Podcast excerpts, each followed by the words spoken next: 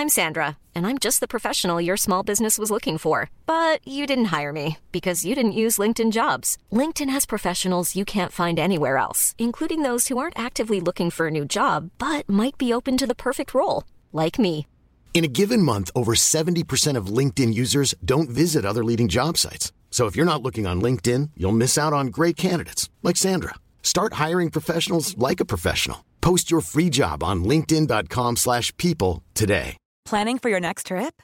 Elevate your travel style with Quince. Quince has all the jet setting essentials you'll want for your next getaway, like European linen, premium luggage options, buttery soft Italian leather bags, and so much more. And is all priced at 50 to 80% less than similar brands. Plus, Quince only works with factories that use safe and ethical manufacturing practices. Pack your bags with high-quality essentials you'll be wearing for vacations to come with Quince. Go to quince.com slash pack for free shipping and 365-day returns. voelde gewoon heel erg als zo'n soort booking.com moment. Dat, dat ze dan zo zeggen van, eh, nog één kamer, weet je wel. Een Soort, Ja, ja, ja, dus ja. dacht ik, ik kan ook wel wachten tot mijn 38ste om na te denken van dat kind. Maar als ik het dan wil doen, moet ik het nu doen. Dus dat voelde ook wel als een soort Ja. van pressure.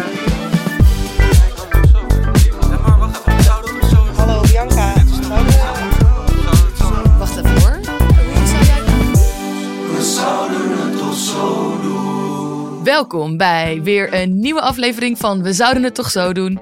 De podcast waarin we het hebben over alles wat we ondertussen wel dachten onder controle te hebben. Mijn naam is Bianca Schrijver. En eh, een soort van tegenover mij zit... Titia Hogendoorn, hallo. Ik bel in vanuit Helsinki, Finland. Ik ben een paar landen Wereldmeid. verder. Ik ben een echte wereldmeid, zoals vorige week al aangekondigd.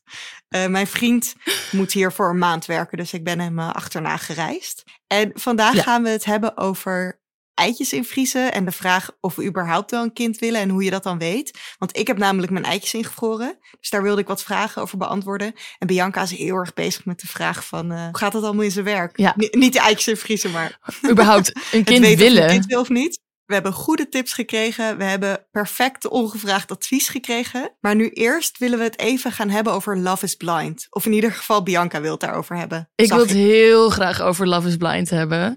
Ehm, heb jij het wel eens gezien? Ik heb het tijdens corona een keer zo'n Amerikaans seizoen een beetje gekeken. Heel extreem is het. Ja, ik heb dus ook alleen maar de Amerikaanse versie gekeken, moet ik zeggen. Het is een reality tv-serie waarin tien eh, mannen en tien vrouwen in een eh, afgesloten ruimte zitten. De pods heette, heette die. En dan gaan ze dus met elkaar daten terwijl ze elkaar niet kunnen zien. Maar En alle mensen zijn wel heel aantrekkelijk. Zo conventioneel aantrekkelijk. Ja, ik wou net zeggen inderdaad, een bepaald soort typetje. En ehm, het idee is dus dat als je de enige manier waarop je elkaar kan zien, is door eh, verloofd te raken. Dus er gaan eh, mensen op hun knieën voor iemand die ze nog nooit van hun leven hebben gezien.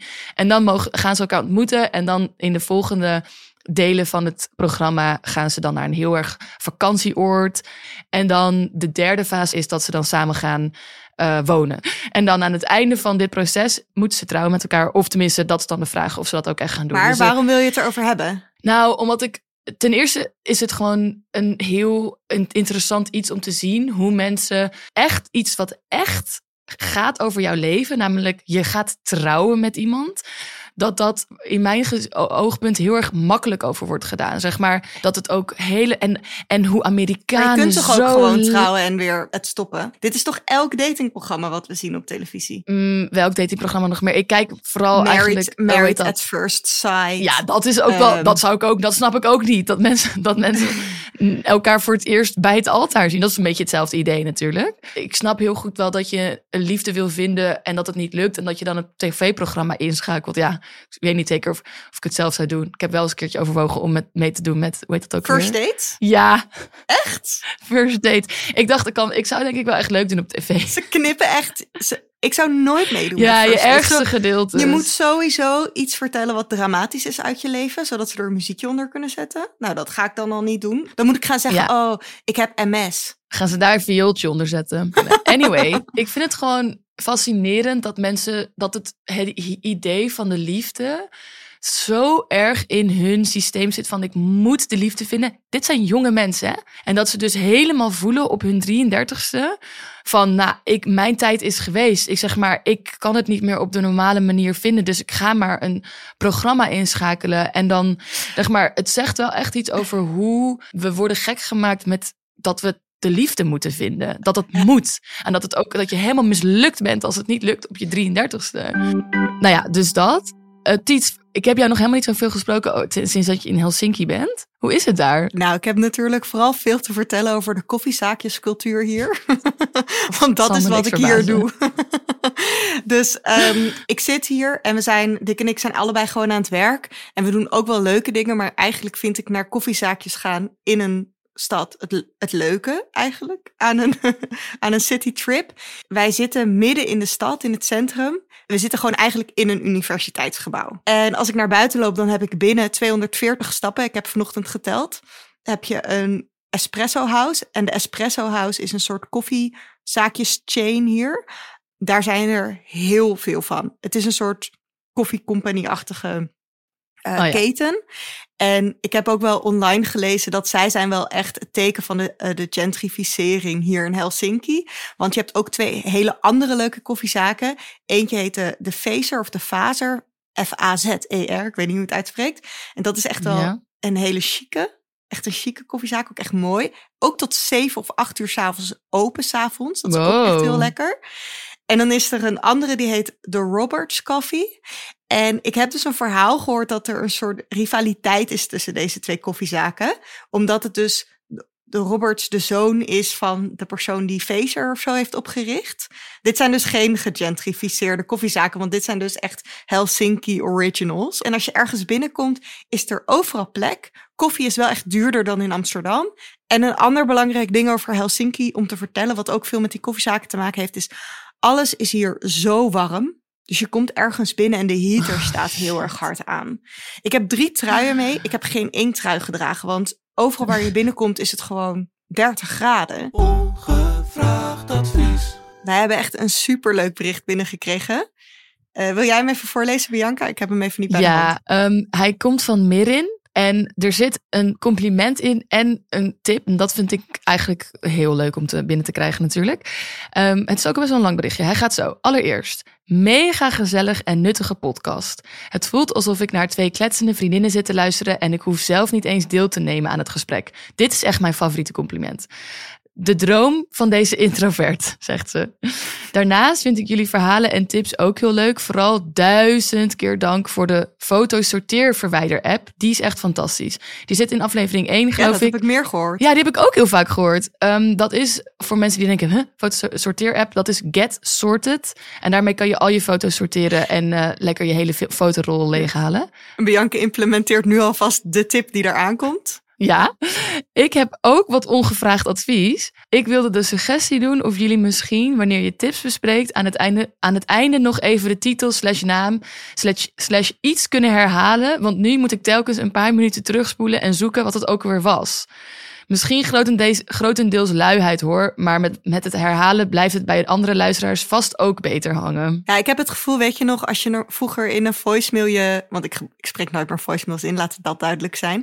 Ja. Um, dat als je in de voicemail zegt van, oh bel me terug, mijn nummer is, en dan begin je je nummer op te noemen ik herhaal. En dan zeg je nog een keer je nummer. Want in de eerste keer je nummer zit iemand zo heel erg zo uh, paniekerig een papiertje en een pen te zoeken. Ja, help, ik heb... Ik herhaal. Ik, ik, ik, ik heb dat altijd af, ik herhaal. Ik heb dat altijd afgekeken van mijn moeder. Het voelt altijd alsof, alsof ik heel erg bij een kantoor werk. Ja. En dat gaan wij dus nu ook implementeren. Dus dankjewel Mirin voor deze tip. Ik heb er ook wel meteen op gereageerd, want ik voelde me ook een beetje ongezien, moet ik zeggen. Omdat ik dus heel veel moeite doe om in de show notes, die dus, als jij dus nu luistert, dan kan je in de beschrijving van de aflevering de show notes vinden. En um, die schrijf ik en dan doe ik allemaal lekkere leuke linkjes bij. Dus je kan ook altijd terugkijken in de app. En ik maak dan ook nog eens een visuele show notes voor in de Instagram. Dus, uh, maar dat komt dan later pas in de week online. Dus dat kan misschien dan niet meteen, maar dan krijg je altijd nog een reminder in je Instagram. Een carouselletje met alle tips erbij. Laten we doorgaan naar het belangrijkste onderwerp van deze aflevering. Iets waar heel veel mensen ook al, waar jij ook al maanden naar hebt geteased, Titia. Ja, ik heb mijn eitjes ingevroren en ik heb al een paar keer gedacht, ga ik hier nou een, uh, een podcastaflevering over maken? Zelfs voordat wij onze podcast hadden, waarin ik alles ging beantwoorden. Dus alle vragen die mensen hebben.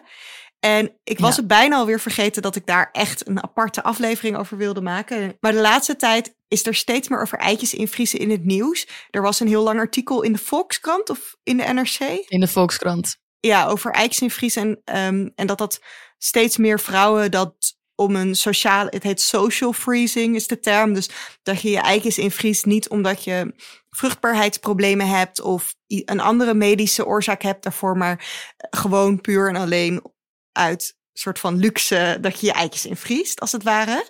Dat dat steeds meer gebeurt. En daarin werd mijn naam ook genoemd, hoewel ik werd Titia Hogestraten genoemd. En omdat ik um, ja, was niet heel goed ge, op, niet heel goed geroemd. Ik snap dat, echt niet. Sorry, maar dan schrijf je toch een artikel, dan kijk je toch even twee keer of iemand zo heet. Ja, nou ja. Omdat ik uh, ik heb er TikToks en Instagram Reels gemaakt over dat ik mijn eitjes in ging uh, vriezen. Dus als je geïnteresseerd bent, kan je die even terugkijken. Want dan zie je me ook echt letterlijk prikken en naar, de, naar het ziekenhuis gaan. En vandaag ga ik een aantal vragen beantwoorden. De meest gestelde vragen die mensen hadden over het invriezen van de eitjes. Oké, en uh, jij hebt die vragen via de sticker, vraagsticker via je eigen Instagram en via onze Instagram behandeld. Ik vroeg me af, zijn er ook vragen van mannen binnengekomen? Oh, ik kijk niet naar gender. Oh, gender bestaat niet voor mij. Heel mooi. Gender is een spectrum, Bianca. Net zoals dat als je zo meteen een kind krijgt, dat je dan ook heel blij bent met wat voor geslacht het ook is. Ja, whatever het ook is. nee, ja, ik, heb daar, ik heb daar gewoon niet naar gekeken. Ik was gewoon zo gefixeerd op vragen. Kan ik alles samenvoegen? En eigenlijk de meest gestelde vraag is, waarom heb ik het gedaan? Ja. Kort over zijn, want ik, nou, dat kan daar helemaal niet kort over zijn, maar. Wanneer kan jij ergens kort over nou, zijn? Mensen, kijk, ik kwam er via Instagram achter dat het. Ik zag op een gegeven moment een post voorbij komen en in de caption van de post stond zo bla bla bla bla bla. Ja, het kostte 3500 euro. In de post werd het gedaan alsof dat veel geld was, maar in mijn hoofd was eitjes invriezen tienduizenden euro's. Dus ik dacht, ik ga nooit mijn eitjes invriezen. Ik heb er wel eens over nagedacht de afgelopen jaren. Want er zijn natuurlijk wel eens afleveringen van Grey's Anatomy die voorbij komen die daarover gaan. Of ander soort dingen. Dus ik heb er wel eens over nagedacht. Maar ik dacht altijd, dat is voor mij geen optie, want het is veel te duur. Of ik ga daar niet mijn geld aan uitgeven. Toen ik zag 3500 euro, toen dacht ik, dit is voor mij een haalbaar bedrag. Toen, ja. dat was in een post die ging over de podcast Over Tijd, heet die podcast. En in die podcast wordt uh, de, gemaakt door Carolien Borgers, geloof ik. En daar wordt heel veel uitgelegd over eitjes invriezen. En het is inmiddels alweer, zou ik zeggen en denken, een verouderde podcast. Want de uh, veranderingen daarin en de updates over dat social freezing gaat, ja, dat gaat heel snel. De, het is pas, geloof ik, sinds een aantal jaar dat, het, dat je het kunt doen uh, om niet-medische redenen. Dus daar zit gewoon hmm. ook veel nog, ja, daar gebeuren veel uh, nieuwe dingen. Jij zag die 3500 euro en je dacht. En ik dacht, hier moet ik induiken. En waarom Want toen werd het ineens een haalbaar doel. Toen werd het een haalbaar doel. En ik ben wel, kijk, ik was toen ik dat zag, denk ik 32 of 33. En dat is toch de leeftijd waarop je na gaat denken wil ik kinderen? Ga wil ik een kind? Wil ik een kind, maar ook ga ik een partner vinden voor die tijd om een kind mee te krijgen als ik dat zou willen? Uh, ja, dus dat waren toch gedachten die in mijn hoofd speelden. En ik had uh, net een relatie met Dick, met wie ik nu in Helsinki ben. Ik wa was gewoon echt net met hem samen. En ik merkte gewoon dat ik in de relatie heel veel paniek uh, ervaarde over van als ik een kind wil, moet ik nu beslissen of ik dat dan ook met Dick zou willen. En als ik dat dan niet wil, moet ik het nu uitmaken. Want dan moet ik verder op zoek. Want ik zit gewoon in mijn vruchtbare prime time. En uh, ja. ja, ik dacht, dat kan je niet een beetje aan laten rommelen. Dus ik, ik, was daar heel erg mee bezig in mijn hoofd. En daardoor kan je, kon ik gewoon heel slecht de relatie ervaren. Of mm. ervaren van, is, ben ik, word ik er blij van? Is dit goed voor gewoon überhaupt. Of wil ik niet meteen van, oh, is het, mijn, is het de vader van mijn kinderen, maar gewoon, is het überhaupt een leuke man? Ja, omdat ik alleen maar bezig was, doe ik het juiste. Ik was alleen maar bezig van, heb ik de juiste man gevonden of zo. En toen ik dacht van, ja, dat moet ook wel zeggen, dat is ook wel echt een Titia-ding, zeg maar. Het is niet per se dat iedereen dat, dat heeft. Dat was bij mij gewoon dat ik in een soort obsessieve uh, gedachtenstroom daarin terecht kwam. En dat was gewoon ook heel slecht voor dat je dan kunt, na, kunt voelen of je iemand leuk vindt of niet. Snap Ja. je? En toen ik dat met die eitjes invriezen, dat gaf mij zo'n rust, dat idee. Want dan kon ik gewoon in een relatie gaan. Stel je voor dat het dan over vier jaar uit zou gaan of zo. Dan heb ik gewoon nog een soort kans voor kinderen. Het is voor jou dus ook niet het idee van, oh, ik wil per se op een bepaalde le- leeftijd een moeder zijn. Dus voor jou is het ook prima om bijvoorbeeld op je 36 of je 37ste moeder te worden. Schat, maar dan wel met je eitjes van vijf als- jaar geleden. Ik ben praktisch gezien als 637. Zeg maar niet Echt officieel, niet. maar bijna. Wanneer? Over hoeveel jaar ben jij Ik ben 37? bijna 35. Ja, dus Maar, je bent over oké, drie jaar ben jij 37. Maar als ik een kind zou nemen nu, of krijgen, of hoe jij dat ook zou noemen, of als het me gegund is, zoals jullie dat zouden willen zeggen, dan, Ja.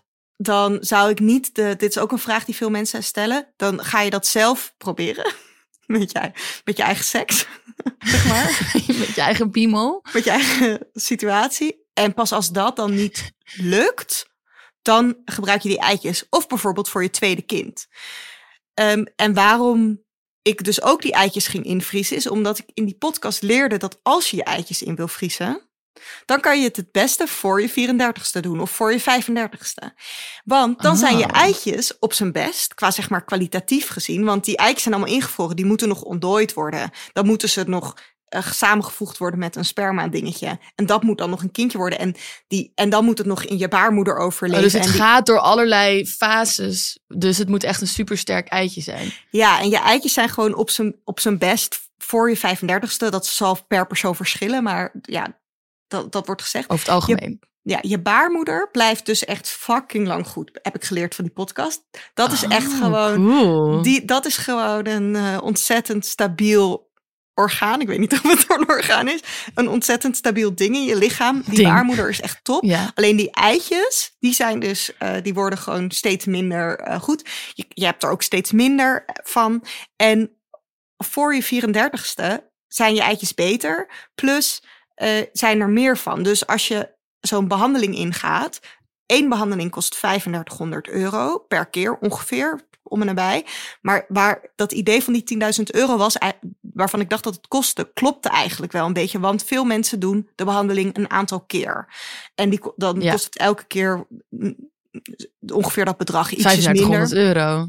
Ja, en je wil het liefst bijvoorbeeld iets van 16 of 17 of 18 eitjes minstens in de vriezer hebben. Wow, dat En- is echt veel. Ja, en ik heb met mijn behandeling 14 eitjes eruit. 14 goede eitjes. Uit één behandeling. En dat is heel veel. Dus dat is zeg maar ook wel, eh, ja, dat heeft niet iedereen. En hoe ouder je wordt, hoe Wow. groter de kans is dat het dus ook minder eitjes per keer zijn. Dus die 3500 euro is eigenlijk meer waard op het moment dat je het doet voor je Ja, precies. Ja. 35ste dan la- later.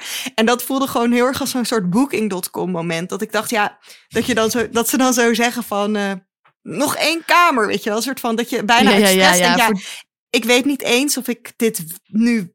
Zeg maar, ik dacht gewoon, als ik het wil doen, moet ik het nu doen. Dus ik, ergens dacht ik, ik kan ook wel wachten tot mijn 38ste om na te denken van dat kind. Maar als ik het dan wil doen, moet ik het nu doen. Dus dat voelde ook wel als een soort Ja. van pressure die er extra opgelegd werd. En toen heb ik het gewoon besloten. Wat is verder de nog meest gestelde vraag die je hebt binnengekregen? Dus we hebben het hebben gehad over waarom en een beetje ook al hoe het werkt en hoeveel het kost. Want dat is denk ik een andere heel veel gestelde vraag, toch? Hoeveel het Ja. kost? Dus jou heeft het ongeveer 3500 euro gekost, toch? Ja, mij heeft het ongeveer 3500 euro gekost. En ik heb het allemaal zelf betaald. Want iemand vroeg ook of Dick en ik Ah. de kosten hebben gesplit.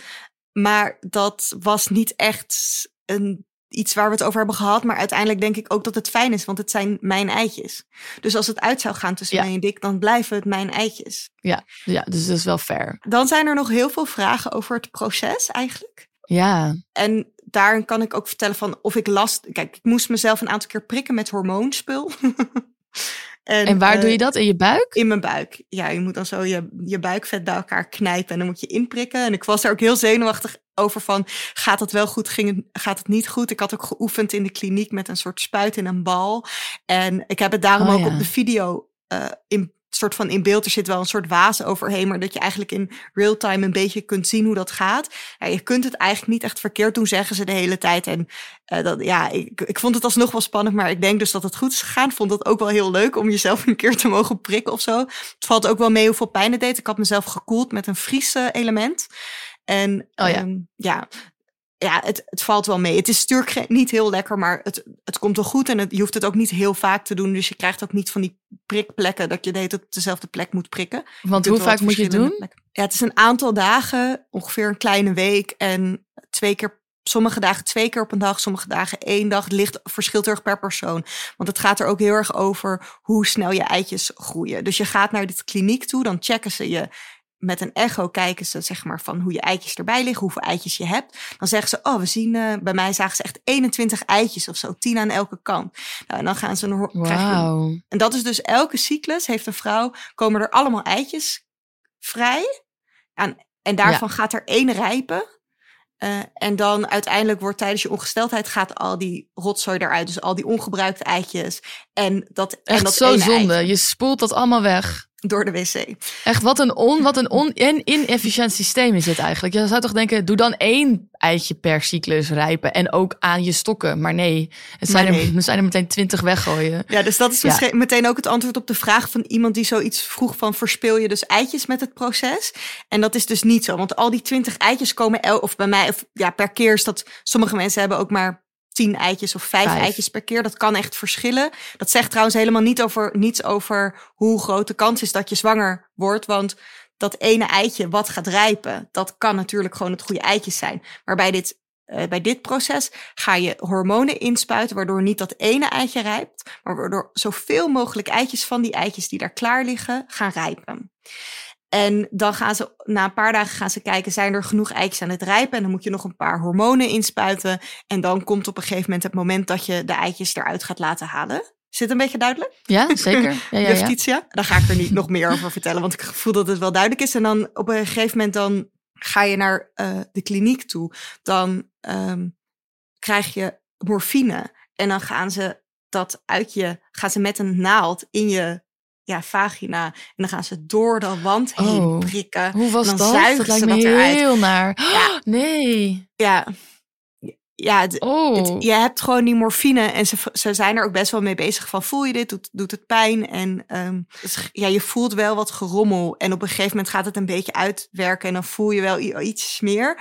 Maar het is meer een zeurende pijn omdat het echt heel erg pijn doet. Oh ja. En ik vond het heel erg meevallen. Ja, er was een tijd geleden, ongeveer een, een half jaar geleden, een podcast die heel erg, die iedereen tipte. Ja, die heb ik gez- die heb ik. Oh, die moet ik ook meteen aan het- denken. Maar ik vind het wel een beetje een trigger warning deze podcast. Ja, jij vond hem niet zo goed. Ik vond hem een beetje saai, maar de, de podcast ging The over Retrievals heet die. Het ging over een kliniek in Amerika waar een zuster die morfine eh, jatte. En dan die vrouwen een soort van een zoutoplossing of zo gaf. En dat die vrouwen hebben dit allemaal zonder morfine gedaan. Maar die vrouwen werden allemaal Nou, niet geloofd. fentanyl was het in, in Amerika. Ja. zat fentanyl en die vrouw was drugsverslaafd. Verslaafd. Dus die was verslaafd aan fentanyl. Maar in Nederland hoef je hier dus geen zorgen over te maken, voor zover ik weet. En ehm, ik, weet je wel, die artsen zijn ook gewoon heel, heel aardig en vragen de hele tijd van, hoe is je pijn nu? Of zo. Ze, ze vinden helemaal niet dat je ook maar een beetje en pijn ze moet nemen voelen. het wel serieus over je pijn. Super, dat is ja. dus wel belangrijk. Want dat is wel iets wat dus niet in die podcast gebeurde. Ja, precies. Nee, dat was hier. En ik was dus voor de. Ja, dus eh, veel mensen vroegen ook van. Nou, ik heb waar ik het dan heb gedaan. Want ik heb het gedaan bij. ehm, in Leiderdorp. Ik geloof dat dat. Dus het heet zoiets van eh, kinderwens of zo. Heet het. Eh soort van de kliniek. En, en hoe deed je dat dan bij de huisarts? Ging je dan eerst Oh, zeggen ja. dat, ik, dat je het wilde bij de huisarts? Want dat, dat, dat zou voor mij echt een drempel zijn. Dat ik al niet snap hoe ik dit moet, doen überhaupt. Ja, je, wat je moet doen is. eh, als je hier geïnteresseerd in bent, moet je naar je huisarts gaan om een doorverwijzing te vragen. En, dan, en wat zeg je dan tegen je huisarts? Ja, ik van- ben gewoon in janken uitgebarsten. dat helpt altijd, ja. Eh, ik zei ja, ik kom voor een doorverwijzing voor het invriezen van mijn eitjes. En ik zit hier, dit is de reden waarom ik het wil doen. En misschien hoef je En je hebt dus echt gezegd van niet van ik ben onvruchtbaar, maar meer van ik wil gewoon niet de druk leggen op mijn relatie nu. Ja, en ik weet dat dit kan. En, eh, en, maar een vriendinnetje van mij, eh, ik was er gewoon over na aan het denken van, ga ik dit misschien ooit doen? Maar toen sprak ik een vriendin van mij en die had zich dus, die had dit dus ook. Die was hier ook over nadenken. Die zei, oh ja, ik heb me gisteren op een wachtlijst gezet. Ja, die wachtlijsten du- duren drie kwart jaar. Dus toen dacht ik, Is oh nieuw? shit. Nou, nu, nu zijn er ook wachtlijsten stoppen zelfs. Dus, en zij had het bij het ziekenhuis oh nee, gedaan. iedereen gaat het nu doen. Oh nee, ik moet echt nu gaan doen, want ik ben nu, Nou ja. voor dit jaar 31. Oh, maar jij bent dus, jij hebt nog drie jaar. Ja, dus, maar ja, die wachtlijsten zijn heel lang. Dus tegen de tijd dat ik aan de beurt ben, ben ik Ja, misschien dus- al 33. En ik was, ik was toen 33 en ik wilde het dus voor mijn 35ste. Dus toen heb ik me, toen heb ik bedacht, ik ga me gewoon op zo'n wachtlijst zetten. En dan kijk, en dan denk ik er tijdens die wachtlijst wel over na. Want je kunt je er daarna gewoon nog afhalen. Oh ja, Ja. slim. En je hebt dus, je kunt het in het ziekenhuis doen, je kunt het bij bepaalde klinieken doen. Het is, als het goed is, overal even duur, want dat is gewoon gereguleerd. En Oké. Dat, Dat is ook bij de plek waar ik het heb gedaan, zijn ze ook gewoon gespecialiseerd in dit. Het zijn ook gewoon artsen, maar het is een privékliniek. Dus dat- het is ook niet zo dat het ene beter is, geloof ik, dan het andere. Of als je daar wel iets over weet, weet je wel, please laat het ons weten in de DM's. Maar voor zover ik weet, is het gewoon eh, goed. Is het gewoon hetzelfde. Oh ja, en dus heel veel mensen wilden weten met dat spuiten van die prikken en die hormonen. Of ik heel veel last had van dat je jezelf spuit met hormonen. En of ik heel veel last van de hormonen had. Ja. Nu ben ik zelf, heb ik het gevoel, niet zo gevoelig voor hormonen. Dus bij mij, ik had dat niet zo. Ik heb er eigenlijk niks van gemerkt hormonaal of zo. Ik ging niet bijvoorbeeld heel erg huilen of dat soort dingen. Of heel erg, ik werd ook niet heel erg depressief of angstig. Ik had juist heel erg dat ik dacht, oh, misschien dat dit wel me een ontzettend soort vruchtbaarheidsvibe geeft. Dat ik er heel erg lekker van ga of zo. Dat was mijn droom. Dat, Dat, ik je dacht, zo oh, dat ik door de helemaal- straten loopt als een zo'n vrouw die heel vruchtbaar is. Ja. En die iedereen wil. Ja, ja, ja, ja. ja. social butterfly. Ja. Nou, niks was minder waard. Oh. Mijn buik was, hé, want die eitjes groeien. Nou, dat doet pijn. Oh nee, dat voel je. Heel erg opgeblazen, want die eitjes worden gewoon heel groot. En, en dat zit allemaal in je ijs, ijsstokken. En Oh my god. Of in, in het laatste moment zag je ook helemaal zo'n opgeblazen buik. Je buik wordt gewoon heel groot. Want al die, ik, had al die, ik had al die veertien eitjes die aan het groeien waren. Of het waren er misschien toen zelfs nog iets meer. Dus ik had gewoon vooral heel veel dat ik geen zin meer had om te lopen. Dat flaneren, dat kon, dat kon even niet. Ja, ik dacht, oh, dan ga ik uit. En dan wil iedereen, wil, zeg maar, ik was gewoon Wil met met dik jou hoor. Maar ik dacht gewoon, weet je, wil iedereen wel met me seksen. Ja. gewoon, die, gewoon die bevestiging leek me gewoon wel interessant. Eindelijk een keer. Eindelijk al die bevestiging van al die mannen die zien hoe vruchtbaar ik ben. nou, al die, al die veertien eitjes die vragen erom om bevrucht te worden. ja, dus, dus dat niet. En eh, ja, dat zijn denk ik wel de meeste vragen. En, en wat ga je doen als je dit. Heb je een soort deadline voor jezelf van bedacht? Van oké, eh, dan wil ik wel be- be- hebben besloten of ik überhaupt een kind wil. En dus ga ik daarna proberen, zelf proberen. En dan kijken of ik het kan doen met de eitjes, als dat niet lukt. Ja, Want dat is nog ook zo'n ding, toch? Dat is, wordt dan toch ook meteen een soort IVF-ding. Als je het dus met Ja. je ingevroren eitjes doet. ja ik denk eerlijk gezegd, die ingevroren eitjes zijn er denk ik echt alleen als er, als er een reden is waarom ik met Dick geen kinderen. Dus dat, dat Ja. vroegtijdig opeens in een... Sorry, ik wil niet verschrikkelijke dingen zeggen, maar Nee, dat ik dan dat toch nog doen. op zoek moet naar een nieuwe partner. Om wat voor reden dan ook. Ik denk eigenlijk dat die eitjes vooral daarvoor zijn. Of als, ik, als het toch inderdaad niet lukt om een andere reden. eh, Ja. Maar dat is dan meer toevallig dat ik die ingevroren eitjes heb dan. En wat gaat er Ehm. gebeuren met die eitjes als ze niet worden gebruikt door jou? Ja, je kunt ze dus laten vernietigen. dat, staat Oh. er zo, dat staat erop. Je kunt ze altijd laten vernietigen. Dat lijkt me wel echt eh, heftig. Ja. Maar als je ze niet gebruikt, kan je ze ook doneren aan een soort eitjes, eibank of zo. En ja, ik zou misschien zelfs, ik denk dat ik ze ook privé, dat ik zelf uit zou kunnen kiezen aan wie ik ze zou kunnen geven. Wow. Maar eerlijk gezegd, ga, ik vind, ik, ik weet eigenlijk nog niet zo goed wat ik hiermee zou willen doen. Maar ik heb wel echt bedacht dat voordat ik zelf kinderen heb, ga ik er niks mee doen. Want ja, Ja. dat lijkt mij gewoon, ik denk dat, dat dat emotioneel te zwaar is. Misschien over tien jaar dat ik er heel anders over denk. Ja, als je er dus over nadenkt om dit te gaan doen, dan zou ik zeker ook wel even aanraden om die podcast over tijd te luisteren. Want daar worden ook wel heel erg de mitsen en maren, hoe noem je dat zo genoemd? Dus Ja, de voor's en de tegens. ja, en, en dat het ook best wel een onzeker proces is. Eh, Ja, omdat je natuurlijk ook niet weet of je eitjes überhaupt gaan lukken, bedoel je dat? Ja, dus het is best wel duur, prijzig en het is dus ook wel he- Ja. heftig voor je lichaam. Op zich is er niet iets met je lichaam, je doet je lichaam niet iets aan hiermee of zo. Er is niet dat er nu iets kapot is in mijn lichaam door dit. Dus dat is op zich gewoon veilig. En er, zijn Ja. ook, er is ook niet zo dat ik eitjes heb verspeeld hiermee of, of iets dergelijks. Het is alleen wel zo dat er dus nog heel weinig data is over hoe, eh, hoe groot de kans is dat je van zo'n bevroren eicel ook daadwerkelijk een kindje kan maken. Omdat Hmm. alle data die er nu, want de data die je daarover hoort is heel erg zo van, oh echt ongeveer een 0%. Maar dat komt ook omdat de data die er nu is, is gebaseerd op mensen die dus moeilijk kinderen kunnen krijgen en daarom hun eitjes hebben ingevroren en daarom een baby gaan maken. En niet data van mensen die ehm In principe hebben vruchtbaar zijn. Ja, goede eitjes hebben en die dan eh, die daar dan een, een baby van mee willen maken. En dat vind ik ook gewoon heel vet hieraan, dat dit gewoon kan. Het is heel nieuw. Het voelt voor mij ook best wel, ja, toch een soort van... Ik, ik vind het gewoon vet dat ik dit kan doen. En ik voel heel erg de vrijheid die hiermee gecreëerd wordt. En ik, en ik snap dat het niet voor iedereen mogelijk is. En ik weet ook niet of het, ja... Nou, ik, ik ben gewoon heel blij dat ik het heb gedaan. En, Het voelt heel ook- futuristisch dat dit gewoon kan. het voelt zo futuristisch en dat vind ik zo vet, want daar hou ik Ja. gewoon van. Ja, ik wil nog wel even zeggen dat het, is, het kan ook een emotioneel heel zwaar proces zijn, want niet iedereen, want dat is, vind ik wel moeilijk. Daarom heb ik op internet ook niet zo gedeeld. Kijk, ik heb 14 eitjes hieruit. dat is echt giga Maar er zijn- veel. En dat is heel veel. En het kan dus ook zijn dat je al dit geld betaalt en al deze moeite doet met je lichaam en dat je vier eitjes krijgt of drie of twee of één. En eh, er is nog een andere podcast die ik ook ga linken. Die dat linkje geef ik aan Bianca en die kunnen jullie dan in de show notes eh, vinden. Eh, want daarin gaan twee vrouwen, twee hele leuke vrouwen, waaronder Liz Plank, die veel mensen van jullie wel kennen.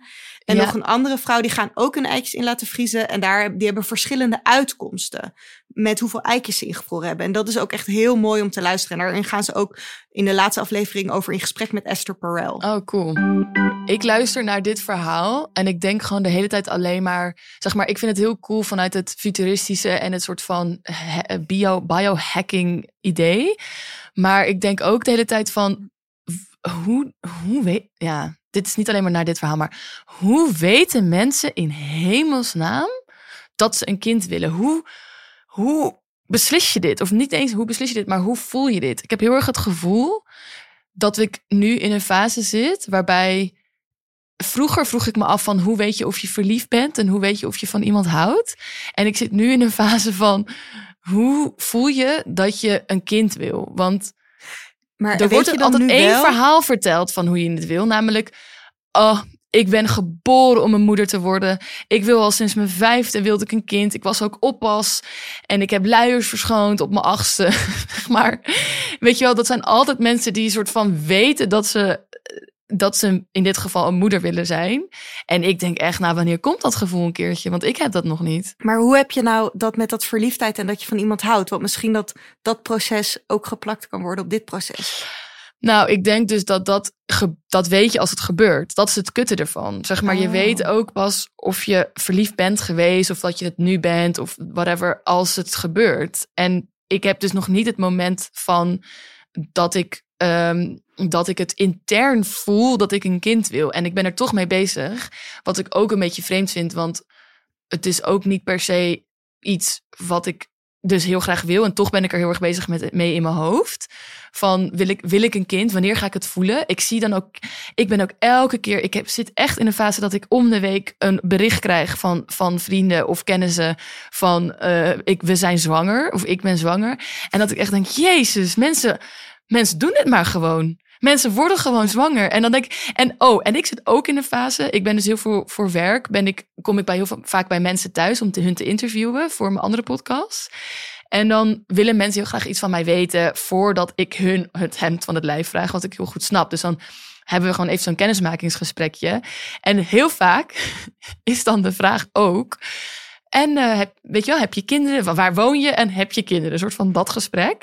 En ik vind het, ik sta elke keer weer stijf, st- sla ik stijf achterover als mensen het normaal vinden om aan mij te vragen of ik een kind heb. Want dan denk ik echt, hoe bedoel je? Ik ben zelf toch nog een kind? Ja, jij bent echt een baby. Ik ben echt Ja, een baby. maar wel een baby van bijna 31. Ja, maar toch. Stel je voor dat ik dan als antwoord zou geven... Ja, ja ik heb een dochtertje van drie. nou, echt. Dat voelt echt alsof je... Je vraagt toch ook niet aan een 20-jarige of die al een kind heeft? Zo voelt het Nee, ik vind het ook belachelijk. Ja, ik dus ook. ik voel me ook dus wel beledigd als niemand het verwacht van mij dat ik een kind zou hebben. Zo van, oh, dus jij denkt dat ik niet Dat kan. eh, dat kan of, of iemand heb gevonden die met mijn kind wil, die mij wil bezwangeren. Maar dat is dus natuurlijk ook een beetje het hele ding bij vrouwen. Zo van, het zegt niet alleen maar of je kind wil. Het zegt ook hoe gewild je bent. Hmm. En hoe goed gelukt je bent. Want als jij denkt, als andere mensen van jou denken... jij kan wel een kind krijgen. Nou, dan, dan heb je het eigenlijk wel voor elkaar. Want dan ben je mentaal, financieel, eh, fysiek sterk genoeg... om te zorgen voor een kind. Dus het is ook iets heel erg van je identiteit. Dat als je dus nog niet zelf voelt alsof je klaar bent... dat je misschien ook denkt, misschien ben ik ook wel gewoon nog niet gelukt... voor de, voor in de ogen van de maatschappij. En in, dus in de ogen van mezelf. Ik heb laatst een nieuwe, nieuwe, eh, ja, na, laatst een nieuwe realisatie gehad. Dat ik denk dat mijn verlangen voor het krijgen van een kind heel veel te maken heeft met mijn verlangen voor het hebben van een gezinnetje. Wat is dat dan? Ik denk dat ik heel erg verlang naar een bepaald soort leven wat daar heel veel mee te maken heeft. Dus de dingen die je doet als je een kind hebt en een partner Mm. hebt. En Ja, ja, dus naar de dat- artist, naar de dierentuin gaan. Nou, dat vind ik dan misschien een slecht voorbeeld, want ik haat de dierentuin. Ja, en, en ook een bepaald soort structuur, zeg maar, erbij. Dus dat je Oh. alles, dat je leven een heel groot structuur krijgt. Ja, ik denk dat dat voor mij heel erg een verlangen is. En ik denk dat dat voor wel meer mensen ook, een, dat ze denken ik wil een kind, maar dat ze misschien veel meer verlangen naar wat dat betekent voor hun situatie, hun relationele situatie. Ja, ik denk dat ik heb er dus wel over, over nagedacht van waarom ik dus nog niet dat gevoel heb van oh, ik wil zo graag een kind. En ik denk dat het bij mij inderdaad wel afhangt van je moet een partner hebben waarmee je dat wil. Nou, nu denk ik dat wel dat ik dat heb. Daar, daar, daar Ja, dat ligt moet het niet aan. maar voor jou. Voor mezelf zou ik wel, ik zou Oh het ja, niet in mijn eentje ja. willen doen. En zeg maar, als ik het in mijn eentje moet doen, dan niet. Dat is wel een beetje het idee. Maar het tweede ding is financiële stabiliteit. En dat heb ik gewoon nog niet. Dus ik voel ook helemaal niet de rust of zo om dan ook nog een extra kostenpost erbij te baren, eigenlijk. Ehm, en de, Weer En het- een van die mooie metafoors. 10% ja, maar dat is het wel. Dat past niet in mijn Excel-sheet. En, eh, voor de baby van elke euro. Ja, precies. Misschien kan ik alvast sparen voor de baby. Ja, Ehm, nou, het is geen slecht plan. is geen slecht plan. Mijn derde soort van gevoel waarom ik dus nog geen kind wil, is omdat ik dus juist wat jij nu zegt over ik wil een bepaald, het is een bepaald leven wat je dan hebt. Ik zou het willen zeggen, dat is een soort burgerlijk leven. En ik zit nog heel erg in een, ik zit juist in een burgerlijkheidscrisis. Ik zie eigenlijk alleen maar rolmodellen voor me, zeg maar, die om me heen, die hun leven heel erg op orde hebben. Dus dan zeg ik, dan heb ik het over allebei een goede baan, een eh, koophuis, eh, het liefst nog buiten de stad een koophuis, eh, een hond of een kat. Ehm, en dat ze daar dan in dat Maar dat zijn rolmodellen? Nou, ik bedoel meer gewoon voorbeelden van om mij heen. Oh ja, de mensen die jij En ziet. ik herken mijzelf daar dus niet in. Dus ik Hm. denk, oh, je kan alleen maar een kind krijgen als je dat hebt.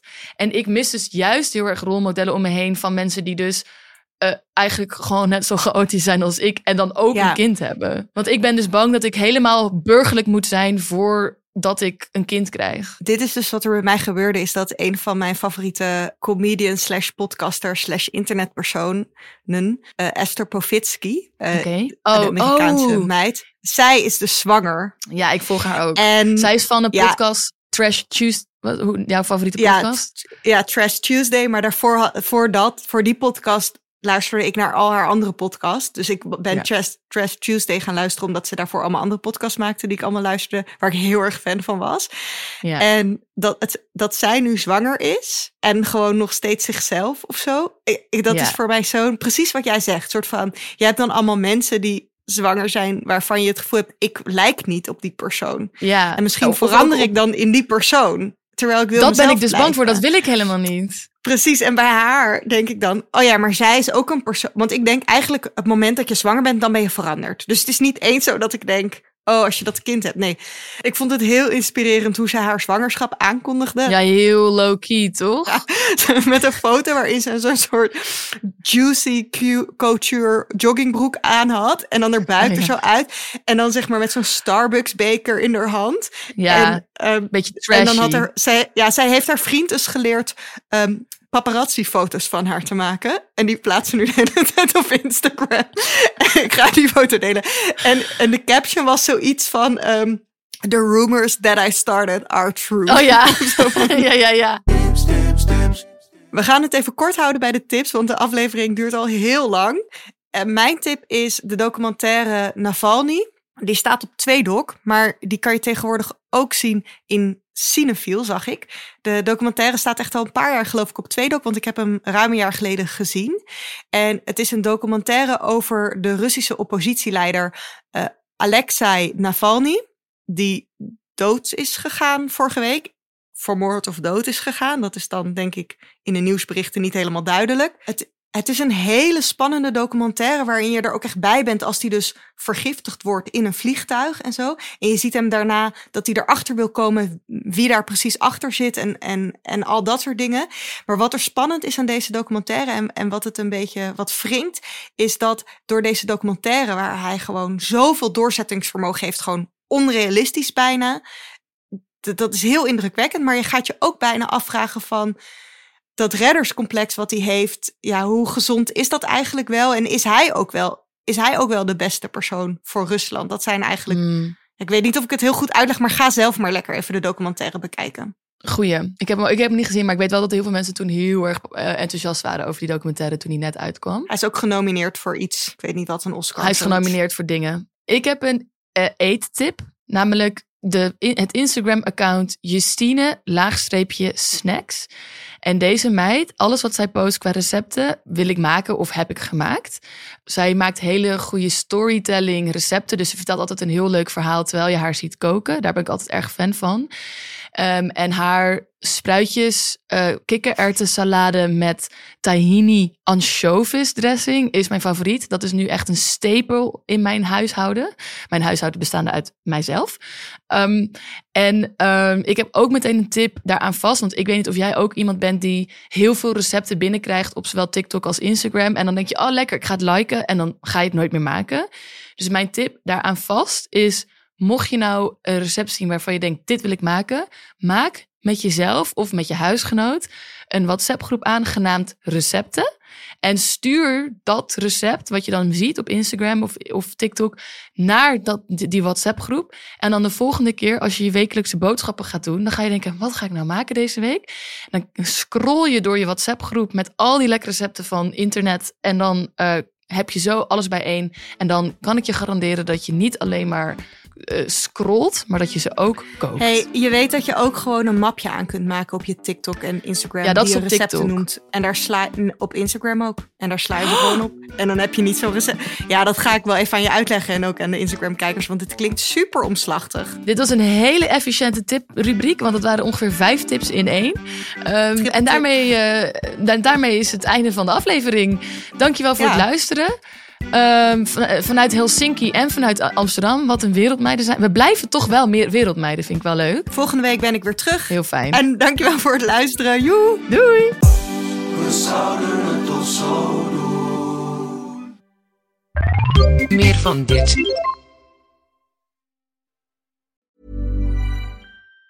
Even on a budget, quality is non-negotiable. That's why Quince is the place to score high-end essentials at 50 to 80% less than similar brands. Get your hands on buttery soft cashmere sweaters from just 60 bucks, Italian leather jackets, and so much more. And the best part about Quince, they exclusively partner with factories committed to safe, ethical, and responsible manufacturing. Elevate your style without the elevated price tag with Quince. Go to quince.com slash upgrade for free shipping and 365-day returns. Even when we're on a budget, we still deserve nice things. Quince is a place to scoop up stunning high-end goods for 50 to 80% less than similar brands. They have buttery soft cashmere sweaters starting at $50, luxurious Italian leather bags, and so much more. Plus, Quince only works with factories that use safe, ethical, and responsible manufacturing. Get the high-end goods you'll love without the high price tag with Quince. Go to quince.com/style for free shipping and 365-day returns.